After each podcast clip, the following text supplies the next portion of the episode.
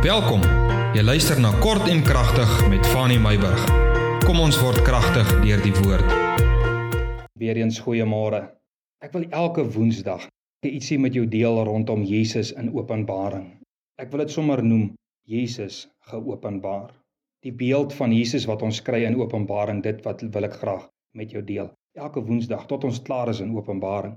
Openbaring 1 vers 4 en 5 wil ek mee afskop vir oggend vers 4 begin en hy sê genade vir julle en vrede van hom wat is en wat was en wat kom en van die sewe geeste wat voor sy troon is. En dan vers 5 en van Jesus Christus die getroue getuie die eersgeborene uit die dode en die owerste oor die konings van die aarde. Ek wil met jou vanmôre gesels oor die naam Jesus Christus. Wat is die naam waarmee God genoem en uitgeken sal word op hierdie aarde waarmee die mens hulle self tog kan mee vereensgewig met die godheid. En hierdie naam noem Johannes hom. Hy sê Jesus Christus. Dis die eerste naam wat ons kry en die eerste begrip rondom Jesus Christus in Openbaring. Jy weet Jesus Christus is twee aparte benamings met spesifieke betekenisse. Jesus of Yeshua en ook Josia beteken die een wat verlossing bring, die een wat red. Waarvan red hierdie een ons? Waarvan verlos hierdie een ons van sonde? Die naam was deur God gekies vir sy seun. Dit kan jy gaan lees in Matteus 1 vers 21. Jy onthou toe hy vir Josef gesê het, dit sal sy naam wees.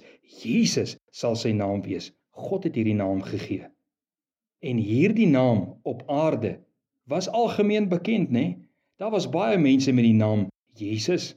As jy kyk in Kolossense 4 vers 11, Paulus praat daarvan 'n persoon wie se naam ook Jesus wat eintlik ook Justus genoem was. Dit was 'n algemene menslike naam. So daarom verklaar hierdie Jesus naam juis Jesus se menslikheid. Jesus het soos ons gekom word, soos 'n mens gekom word. Daarom het hy 'n mense naam gekry. En Christus in Grieks wat Christos is wat dan gesalfde beteken en ook Mashiach wat Messias beteken wat sê die een wat gesalf is. Nou hierin in die Christus lê die groot verskil tussen enige ander persoon wie se naam Jesus is. Jesus was gesalf. Hierdie Jesus wat die naam van God ontvang het, hy was gesalf, hy was aangestel en is aangestel om redder en verlosser van sondes te wees. Nie sommer net enige mense Jesus op die straat nie, maar Jesus met 'n belangrike hemelse God aangestelde taak.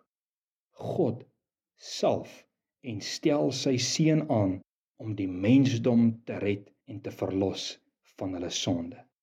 Baie ander kan die naam dra, maar niemand sal ooit doen wat Josia gedoen het om 'n verlosser vir die volk byvoorbeeld te wees nie. Baie kan die naam Jesus dra, maar dit sal maar net nog 'n naam wees. So met ander woorde, wat onderskei Jesus van die mens? Al is sy naam eenders, soos baie ander se name op aarde. Eerstens, God het die naam uitget kies.